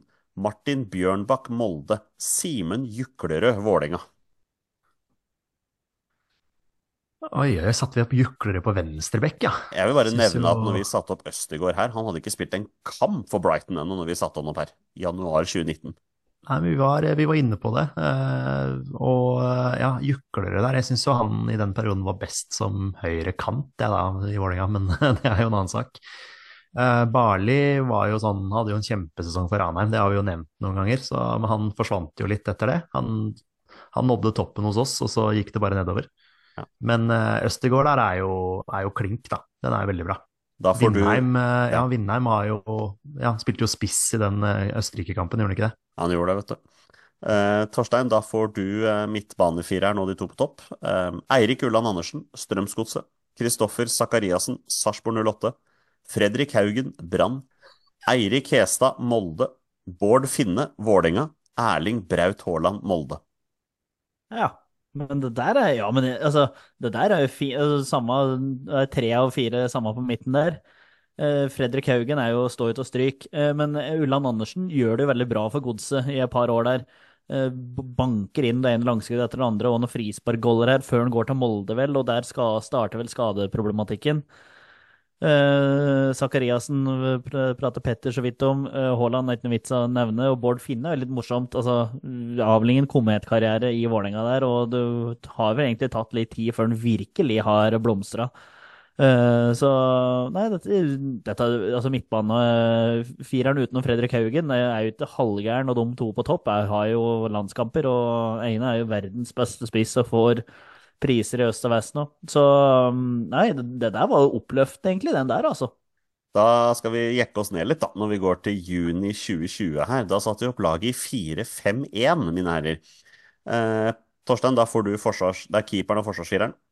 Sondre Rossbakk, Odd. Andreas Vindheim, Malmö. Kristoffer Ayer, Celtic. Sigurd Rostedt, Brøndby. Adrian Pereira, Viking. Der kom Adrian Pereira, ja. Det var eh, Vi pratet litt på frittalende spillere i stad. Eh, det må være litt mening og litt ydmykhet eh, i det, og litt glimt i øyet. Det Fra innsiden-videoer som jeg har sett fra Rosenborg, så er det vel litt så altfor mye glimt i øyet. Det er litt sånn litt for cocky for min del med Pereira der. Skal vi se, Andreas Vindheim han tror jeg at det var jeg som har reklamert veldig hardt for, for han likte jeg veldig godt. Han gjorde det veldig bra i Brann. og Fint steg til Malmö der. Eh, og så var det vel Sparta Praha etter hvert. Og så uh, har jeg ikke helt kontra på karriere. Var han tilbake, kom tilbake til Eliteserien, eller åssen er dette der? Har du det i huet? Nei, nå ble jeg litt usikker. Eh, Var han ikke, var han ikke innom Lillestrømma, eller er det, var det en annen? Jo, det er det, det, det jeg tenker. at Nå Så- lånte til en annen klubb enn Brann, men det- da var- ble han kommet på lån til Lillestrøm, og så ble det ikke det noe særlig. Nei, jeg tror han var sleit med skader. Ja, riktig. Eh, nei, så Vindheim trodde, hadde jeg ærlig talt veldig trua på. Sondre Rossbakk, den, eh, det er vel i mangel på alternativer, vil jeg tro. Eh, så ja, det, men stopperparet prata jo på i stad med Ayer. Det er jo kjempespiller blitt. Eh, så du har tatt noen fine steg og hatt liksom en fin, eh, fin stigning i programmet i karrieren sin. Men ja, det er jo klart at det er Rossbakk i mål som trekker trekk dette veldig ned, og, og da venstre, venstrebekken. Ja, nå ja, men på det tidspunktet var Rossbakk heit. Du må ikke glemme det. Nei da, så det er jo ikke for moro skyld at vi har eh, satt opp. Petter, du får eh, midtbanefemmeren og spissen. Eirik Ulland Andersen, Molde. Kristoffer Sakariassen, Rosenborg. Fredrik Haugen, Brann. Gya Sahid, Apoel. Eirik Hestad, Molde. Og Erling Braut Haaland, Red Bull Salzburg. Altså, Hvor lang tid tok det før Braut Haaland fikk A-landskamp? Nei, det er det som er det flaue her, vet du. At vi satte han opp i juni 2020, men han fikk jo faen meg A-landslagsdebuten sin et år før. Så hvordan vi klarte å få han på det laget her, syns jeg er helt utrolig. Oi. Ja, det er jo godt gjort. Ja, det er godt gjort. Må jo, må jo være Kanskje var det covid eh, hele gjengen når vi Ja. satte den opp? Det må ha vært det. Men eh, ja, Fredrik Haugen, tredje år på rad. Ja, det er jo helt, eh, helt vanvittig. Men han var jo en av Eliteseriens beste midtbanespillere flere år på rad her.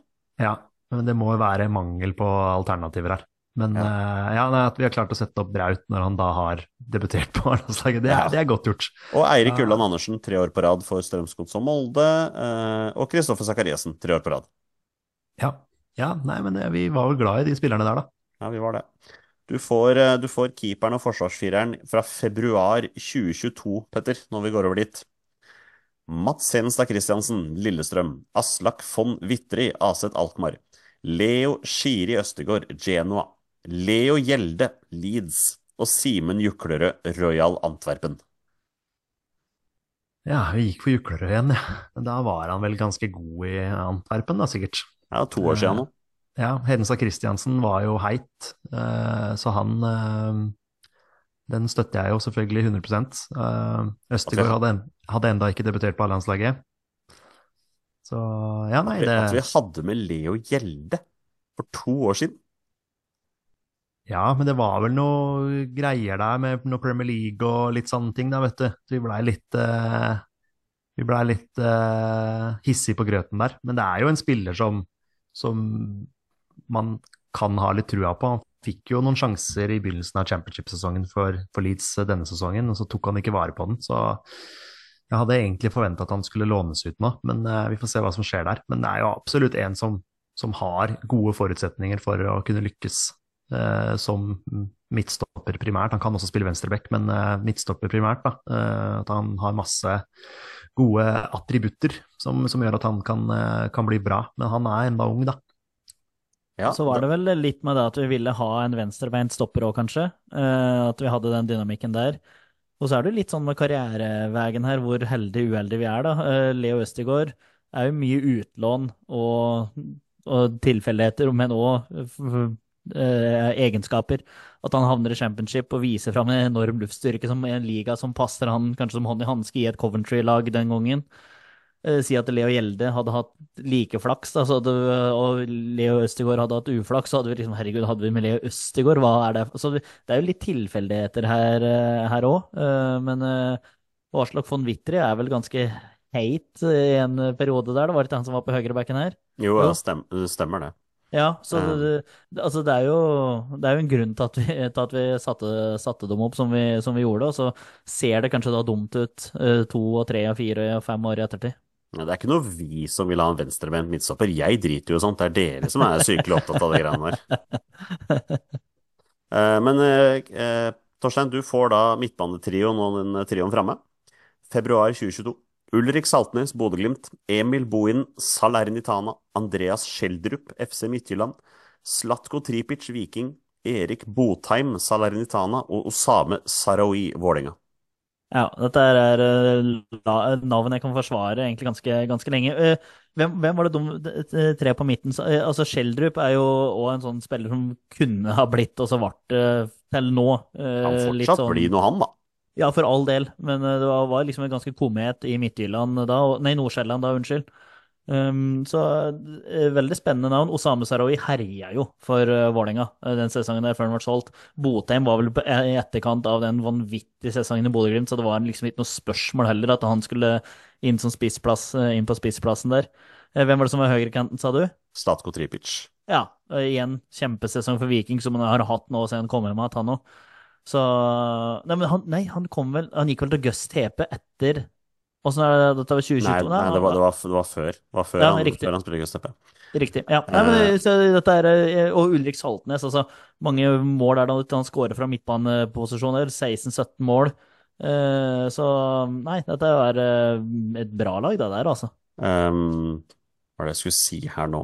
Eh, jo, Erik Botheim som Rosenborg ga bort til Bodø-Glimt. Bare kvitt seg med han. Ja, og Bodø-Glimt da casha inn nesten 100 mil på han eh, sesongen etter. Det er Ja. ganske, ganske sprøtt, altså. Vi avslutter med fjorårslaget. Da er det du som får eh, keeperen og forsvarsfireren, eh, Torstein, i 4-3-3. Mats Henstad Christiansen, Lillestrøm. Aslak von Wittry, Ludogorets. Jakob Glesnes, Philadelphia Union. Jesper Daland, Sersle Brygge. Og Edvard Tagseth, Rosenborg. Nei! Jeg syns vi lander på beina på fire av fem her, og så kom Edvard Tagseth inn der. Ja, det, jeg mener jeg var ganske aktiv på Tagseth der. Eh, Hva, Ja, men- hva tenkte jeg på? Men hør på venstrebacken vi har hatt. Det er Jeppe Mo, Simen Juklerud, Adrian Pereira og Edvard Tagseth. Altså, Jeppe Mo hadde spilt Premier League, nå hadde det ikke vært for alle skadene. Det er jeg overbevist om. Sammen med Gabrielsen. Ja, minst. Ja. Men ja, det, er, det, er samme midtstopperparet som vi har i år, da. Ja, eh, det er det faktisk. Det er jo ganske spennende. Uh, Høyrebekken har vi pratet om. Uh... Ja, altså, vi hadde jo hatt Aslak von Witter i år òg. Hvis ikke jeg hadde åpna Twitter for fem dager siden, så hadde jo von Witter vært på det laget. Ja, faktisk. Så nei, jeg liker dette laget der. Og Mats Edenstad Christiansen har jo hatt to-tre kjempesesonger for Lillestrøm bak seg, inkludert av Obos-ligaen. Uh, og så var det en down i år, som for egentlig hele Lillestrøm-laget. Eh, så um, han har eh, muligheten til å reparere etter sesongen som kommer, kommer han. Men jeg, jeg, jeg, jeg, syns det var godkjent fram til venstrebacken nok en gang. Ja, Da får vi se om Petter godkjenner eh, midtbanetrioen og de tre framme som vi hadde i fjor, da.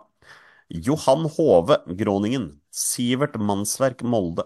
Emil Bohinen, Salernitana. Emil Konradsen Seid, Sassuolo. Erik Botheim, Salernitana. Amal Pellegrino, Bodø-Glimt. Ja, det er vel, eh, det er vel godkjent, det. Det må jeg si. Vi, eh, det er jo mye likt det vi hadde som vi har snakka om eh, i år, da.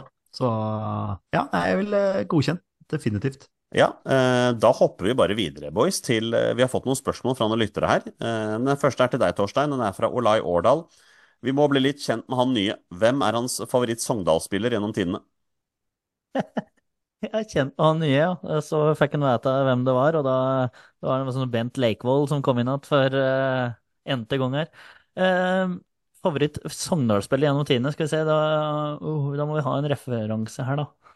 Uh. Jeg tror jeg lander på um, Harald Lødemel, som har vært i, vært i Raufoss òg. Men, altså, men det der Sogndal-laget med Robbie Russell på høyrebacken der, Alexander Ødegaard herja ganske greit. Eh, vi hadde for Rune Bolseth, var vel en midtbanespiller der, som var eh, Anders Stadheim var vel der.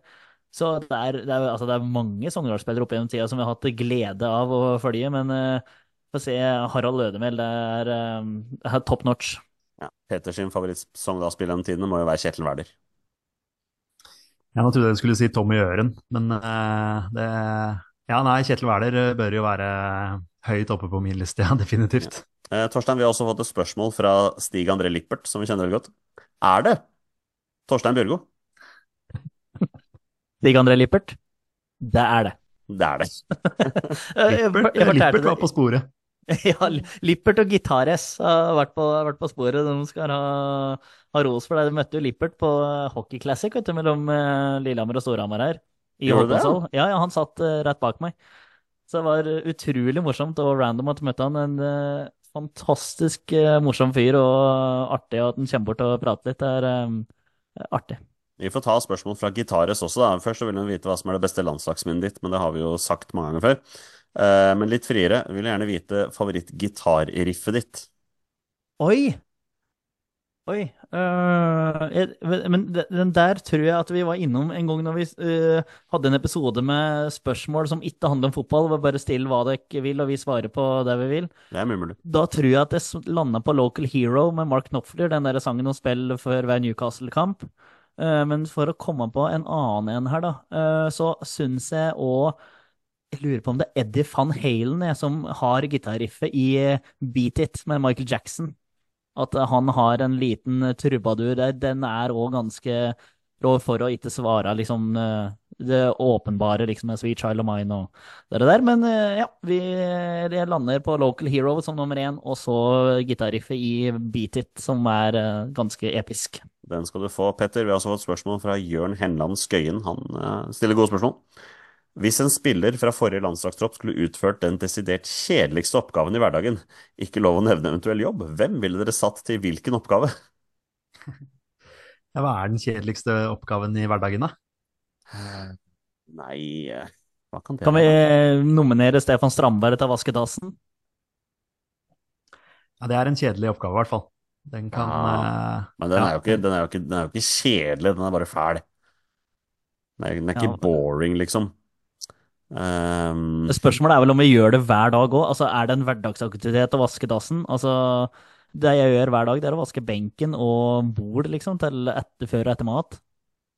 Sånne Ja. ting er jo en hverdags... Ja, det er jo kanskje hverdagsaktivitet å vaske dass òg, sjøl om vi ikke gjør det hver dag. ja, Men vi, vi, kan, vi kan godt ta den, ja. eh, ja, skal vi se, hvem er det som skal til alt for å tråkke Stefan Strandberg ned i dassen. men, Men eh, en, en ryddig type, det er en som liksom har ting på stell. Hvem er det som vil liksom ha kontroll? Hvem er det vi tenker vil ha kontroll? Er det Patrick Berg liksom som har kontroll? Altså, Er ikke vi der? Birge Meling slår meg som sånn petimeter. Han, han, skal, han skal ha det ryddig hjemme hver dag. skal vi nominere Birger Meling da, til å ta hverdags... Uh... Ja. Hva er hverdagsjobben? han, vasker, han vasker huset, Birger Meling. Men uh, vi må ha en til å, jeg må i hvert fall ha en til å lage middag. Det hadde i hvert fall hjulpet meg, eller oss mye i hverdagen med to små barn. Uh, hvis jeg kunne fått en landslagsspiller til å lage middag. Jeg har hørt at Erling Braut Haaland lager en god lasagne. Ja, det er vel helst, det er vel helst faren hans som gjør det, er det ikke det? Ja, stemmer, det var sånn det var, ja. Men så kan vi ta en fotballreferanse med at Martin Ødegaard vasker gulvet med motspillere om dagen i Premier League. Den Jo. er jo Hvem, hvem, kan, hvem på landslaget kan være en god kokk? Det, det, vil- det, det vil jeg tenke. Hvem, er det, hvem, hvem ser man for seg er god på kjøkkenet? Ja, Jeg vil si at Fredrik Aursnes er et ganske trygt valg. Ja den er ikke dum. Ja, ja han, er, eh, han er stabil. Ja, Fredrik Aursnes får den eh, kjedelige oppgaven med å lage middag hjemme hos Petter. Du kan komme hjem til meg og være kokk her, eh, Fredrik. Det, det vil jeg sette pris på. Uh, Herman med kult spørsmål. Hvis du kunne fått en spiller fra Sverige, Danmark og Finland til å bli norsk, hvem hadde vi valgt? Hvem er den beste keeperen? Ja, jeg, så jeg kikka litt på det i stad, eh, faktisk. Eh, jeg landa på finsk keeper, Lukas Radecki. Radecki. en av Bundesligas beste keepere.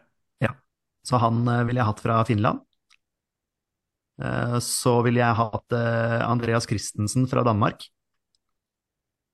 Og så ville jeg hatt Dejan Kulusevski fra Sverige. Kan vi få alle tre? Torstein? Kan vi få alle tre? Alle tre? Ja, det er, jeg syns det er ganske trygge og fine valg. Det der. der. Jeg, hadde òg liksom likt å se tospannet Isak Braut Haaland, men uh, ingen av dem er uh, bra med, med folk rundt seg, skal jeg si. Uh, vil heller ha dem som er aleine på topp, og da er det jo ingen tvil om hvem en velger. finske finske det er et meget, meget bra, bra valg der. Ja, men jeg syns du skal gå for Radekki, for vi trenger keeper, altså. Ja.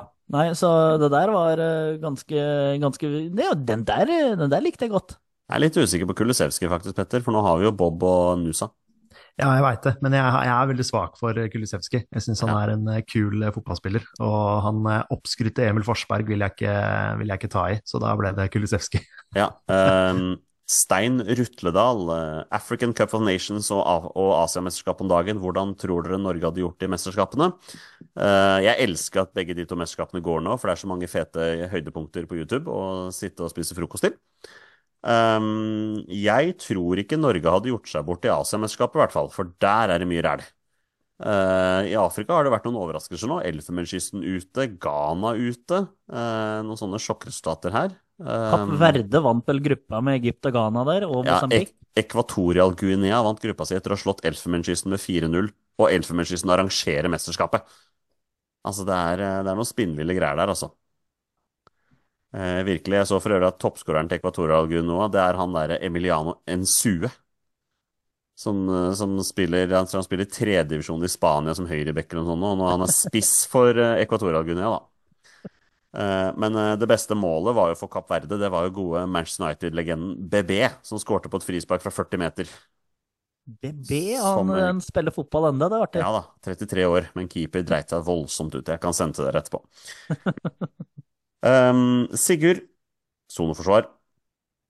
Ja, han, er, han, han gir seg ikke, han Petter, med dette her eh, med hvordan vi skal fungere best på landslaget og sånn. Sånne spørsmål vi får, eh, som vi får hver gang.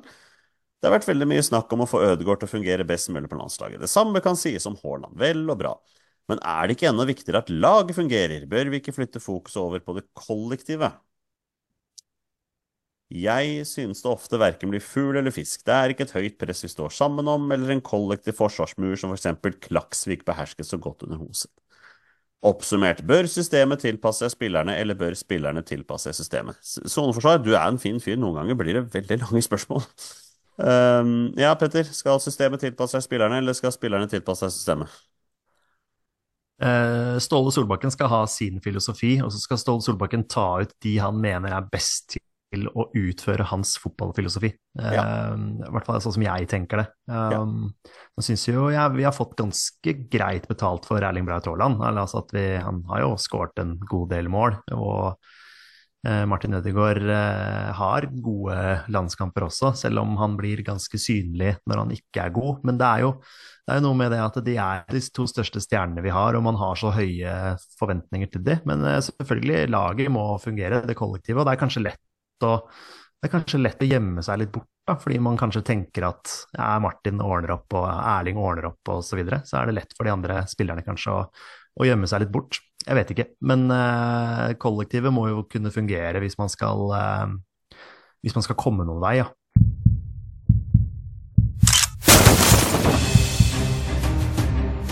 Er han nåværende landslagsspiller? Er han utenlandsproff? Er han fortsatt aktiv? Er han back? Har han spilt for Rosenborg? Mine damer og herrer, det er nå tid for 20 spørsmål. Det er på tide å avslutte som vi pleier, med en runde med 20 spørsmål. Petter og Torstein har 20 ja-eller-nei-spørsmål på å komme fram til spilleren jeg har funnet fram. Og det er en spiller som har minst én A-landskamp for Norge. Bonusregelen her i Våre beste menn er at når de gjetter navnet på en spiller, det er spillet over, og de har vunnet eller tapt. Dagens tvist, mine herrer, er ett posisjonsspørsmål. Vær så god. Det er blitt det nye, denne med ett posisjonsspørsmål. Ja, det er den nye. Du, har, du, har, du, har, du sier jo at du har hørt på oss, så det er bra det, Torstein. At du, du er oppdatert på at det, det, er den nye, det er den nye twisten. Det er sånn banantvist eller noe sånt noe. En, en annen twist, Torstein, er at siden vi spiller inn på nett nå, så må du ha hendene på huet hele tiden, så jeg veit du ikke googler. Ja, nei, det Nei da, jeg, jeg, jeg stoler på dere. Ja, hvis jeg plutselig får, mister helt fokus her, så får dere ikke, får dere ikke arrestere meg. Peter er veldig tydelig på at han vil ikke vinne med juks, og det er jeg glad for. Ja, Nei, det... Da kan vi like så greit bare avslutte episoden her og nå. Men eh, press på deg nå, Torstein. Eh, over et halvt år siden sist. Ja, jeg har jo vært med og spilt uh, for meg sjøl, skulle jeg si. Uh, og jeg syns det jo har vært faktisk ganske vrient. Uh, men forrige episode tok jeg Per Siljan ganske kjapt. Ja, det gjorde var- ikke Petter og Thomas. Nei, så det var jo en altså, Men da får du den der, da er det liksom frustrerende å høre på, ikke sant. Men igjen så er det flere uh, spillere hvor jeg har tenkt ah, det kan være han, og så har dere liksom, eller Peter da, og en eventuell gjest, uh, tatt ut han, og da har jeg vært helt på bortebane. Så det har faktisk ikke vært like enkelt, men like fullt like morsomt å få følge med, da. Så vi får uh, se om vi kan gjenopprette dette her, og så starte 2024 med et smell for min del. Ja, spillet er i gang. Vær så god. Ja, Silja, Siljan var vel med Karstensen, det. Ja, det stemmer det. Min feil. Ja. Men eh, ja, eh, Torstein, ta første spørsmål, da. Hvor er det vi skal eh, Skal vi starte med det vanlige, da? Eller skulle jeg hatt forberedt et eller annet her? Eh, Jeg har ikke forberedt noe, så det blir det vanlige, Jonny. Er han fortsatt aktiv? Nei. Har han vært med i mesterskap for Norge? Nei. Ok, den er grei. Jeg, men det er jo antall landskamper her, øh, om vi skal peile oss inn på landslagssjef med en gang. Den er jo òg Petter, hvor er det, du er litt mer inni det enn meg. Hvor er det du tenker? Eller hva tenker du? Nei, akkurat nå så tenker jeg jo hvor han har flest kamper. Det syns Ja. jeg er eh, interessant, selvfølgelig. Ja. Eh, Har han flest kamper for en eh, norsk klubb? Nei. Oh, Ok, vi skal på en utenlandsproff her. Wow, ok. Så spennende hvor tidlig han dro ut, da. Skal vi Eller- gå Ja, skal, men skal vi bare prøve å finne hvilket land han har flest kamper av? Altså, ja. Eh, hvor tenker du av Torsegutt? Nei, øh, Europa nesten først, og så avgrense derifra. Ja, eller om du vil gå for noe topp fem-liga eller noe sånt noe? Ja, vi kan, vi kan, vi kan kjøre den. Uh, Jonny, uh, har han flest kamper for et lag i en topp fem-liga i Europa? Kan du da definere topp fem? Eh, England, Spania, Tyskland, Frankrike, Italia. Da er svaret ja. Ok, Flest kamper for et lag i en topp fem-liga i Europa. Oi, oi, oi. All right. Eh, Ikke, og ikke aktiv, da tenker jeg automatisk på eh, England og Premier League, egentlig, når vi hadde halve landslaget. Vi sitter hele landslaget der på 90- og 2000-tallet, skal jeg nesten si. ja, men så har han ikke vært med i mesterskap, da. Nei, det er akkurat det. det er, jo- så det er jo nærliggende å nesten tenke at det er etter den, den storhetstida. Men skal vi, eh, skal vi kjøre to og to land, for eksempel? Ja, det syns jeg vi kjører på. Har han flest kamper for en klubb i eh, Spania eller England? Ja. Eh, Er det landet her han har eh, flest kamper for ifra? Er det Spania? Nei.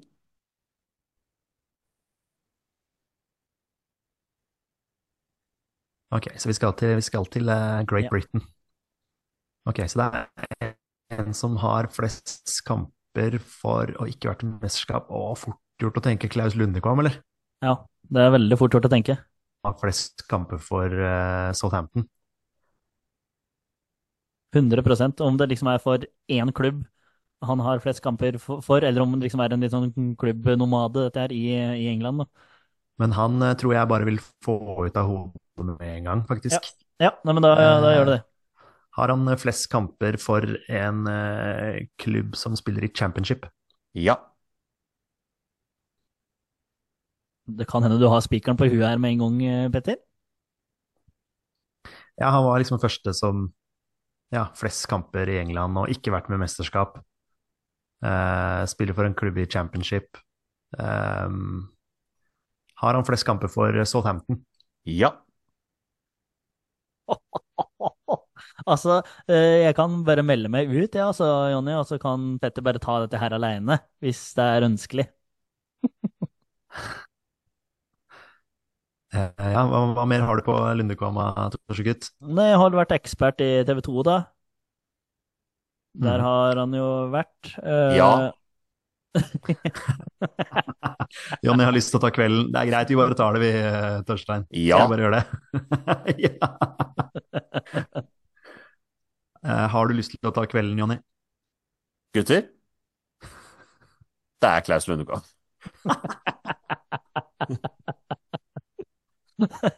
Ok, er- ok, ja, nei, men, ja, vi, men vi tar det. Vi tar dere hadde kommet fram til den uansett. Der var du, der var du kjapp på ballen, Petter. Ja, det var noe med flest kamper utenfor Norge og flest kamper i England, og da var liksom første navnet var, var Lundekvam. Men eh, Torstein, hva er det Klaus Lundekvam er legendarisk for å ha gjort for Norge? Han har vel skåra med tissen mot Skottland? Nei, ikke mot Skottland, mot Bosnia. Var det Bosnia? Ok. Og eh, hvilket mål var det han skårte med tissen for Norge? Det var vel det tusende, var det ikke? Det er Tusende helt riktig, vet du. Ja, ja, ja. Skrevet inn i boka, vet du. Veldig spesielt at han ikke var med i verken VM 98 eller EM-troppen, med tanke på at han var bankers i Southampton på den tida. Ja, det var en- nok, da? Det var vel en del eh, gode spillere på den tida der, så det var vanskelig, vanskelig tid å, å spille seg inn, da. Ja. Uh, hvor mange A-landskamper fikk Klaus Lundekvam? Oi. uh, skal vi se Klaus Lundekvam Det der er jo egentlig Nei, jeg skal ikke komme med en unnskyldning før nå. Uh, jeg tipper han har gullklokka, der man har. Han har 37 landskamper. Ok, 37. Jeg sier 52, jeg, da. Ja. Han har 40. Ok. 40 blank. 40 blank. Første i 1995 og siste i 2005. Hmm. Så det. Um, men dere tar den. Gratulerer så mye, gutter, og gratulerer til deg, Torstein. Uh, Comeback-kongen, selv om jeg må vel si at kanskje Petter skal få mesteparten av æren for eh, dagens seier. Det der var uh, 95, altså. Den, var, eh, den der var grei. Ja, nei, den, den, den satt bra, den der. Ehm, og med det er det på tide å avslutte dagens episode. Torstein Nyland Børgo, det er en sann glede å ha deg tilbake. Altså, det er et eller annet med stemningen når det er oss tre som, som er noe for seg sjøl. Altså, selv om vi sitter over nettet nå, så, så merker jeg liksom at vi, vi gjør hverandre gode her. Det er ordentlig gøy at du er tilbake. Ja, men jeg syns det er kjempemorsomt å være med igjen.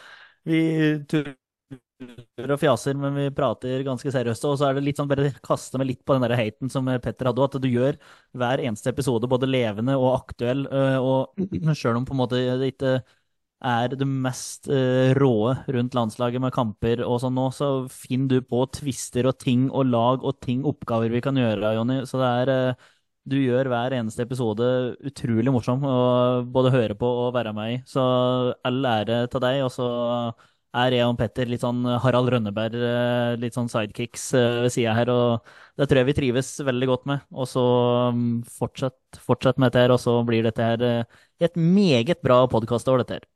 Petter, på en skala fra én til Robbie Keane, hvor gøy har det vært å ha Torstein tilbake? Da er vi nærme Robbie Keane, sier Robbie Fowler, da. Uh, sånn, eh, sånn Som, cirka. som midt på treet, altså, med andre ord. Sånn, I og med at uh, Nei, det er som å ta en eh, stripe med å sniffe litt kokain. Eh, så det var en eh, bra, bra opplevelse. Ikke at jeg har prøvd det, men Robbie Fowler hadde jo den legendariske sniffefeiringa si for Liverpool. Men eh, ja, nei. kjempegøy å ha Torsegutt tilbake. og Det blir spennende å se fremover med tanke på gjester og sånne ting, hvordan vi, hvordan vi løser det. Men det kan jo tenkes at Torsegutt kan ta seg en tur til Oslo når han har tid, så vi kan møtes og ha det ordentlig, ordentlig kos. Og så er det ikke så lenge til, og så er det apropos kos, så er det ikke så lenge til eh, trekning av eh, Nations League heller. Og uh, vi bør jo nesten ha som ambisjon å komme oss på en lita, VBM-tur i, eh, til høsten. Det hadde vært gøy. Ja, hvis det blir England, altså hvis det blir Wembley, Det, det hadde vært sinnssykt gøy, faktisk. da blir du med, Torstein. Eh, lett. Jeg er veldig enkelt med, og da har jeg vel flere feriedager òg. Ettersom jeg starta ny jobb, så er det litt sånn sketchy nå inn mot sommeren, men eh, fra neste år igjen så tror jeg at det her blir eh, meget, meget aktuelt. Og så Vi skulle nesten hatt sånn livepod, eh, altså ikke med publikum, men livepod når trekninga er, vet du, så vi kunne hatt umiddelbare reaksjoner på, på det. Men det får bli, det får bli til en seinere gang. Tusen takk til alle dere som hører på. Dere er fantastiske mennesker. Vi er våre beste menn. Heia Norge. Heia Norge! Heia Norge! Og hei!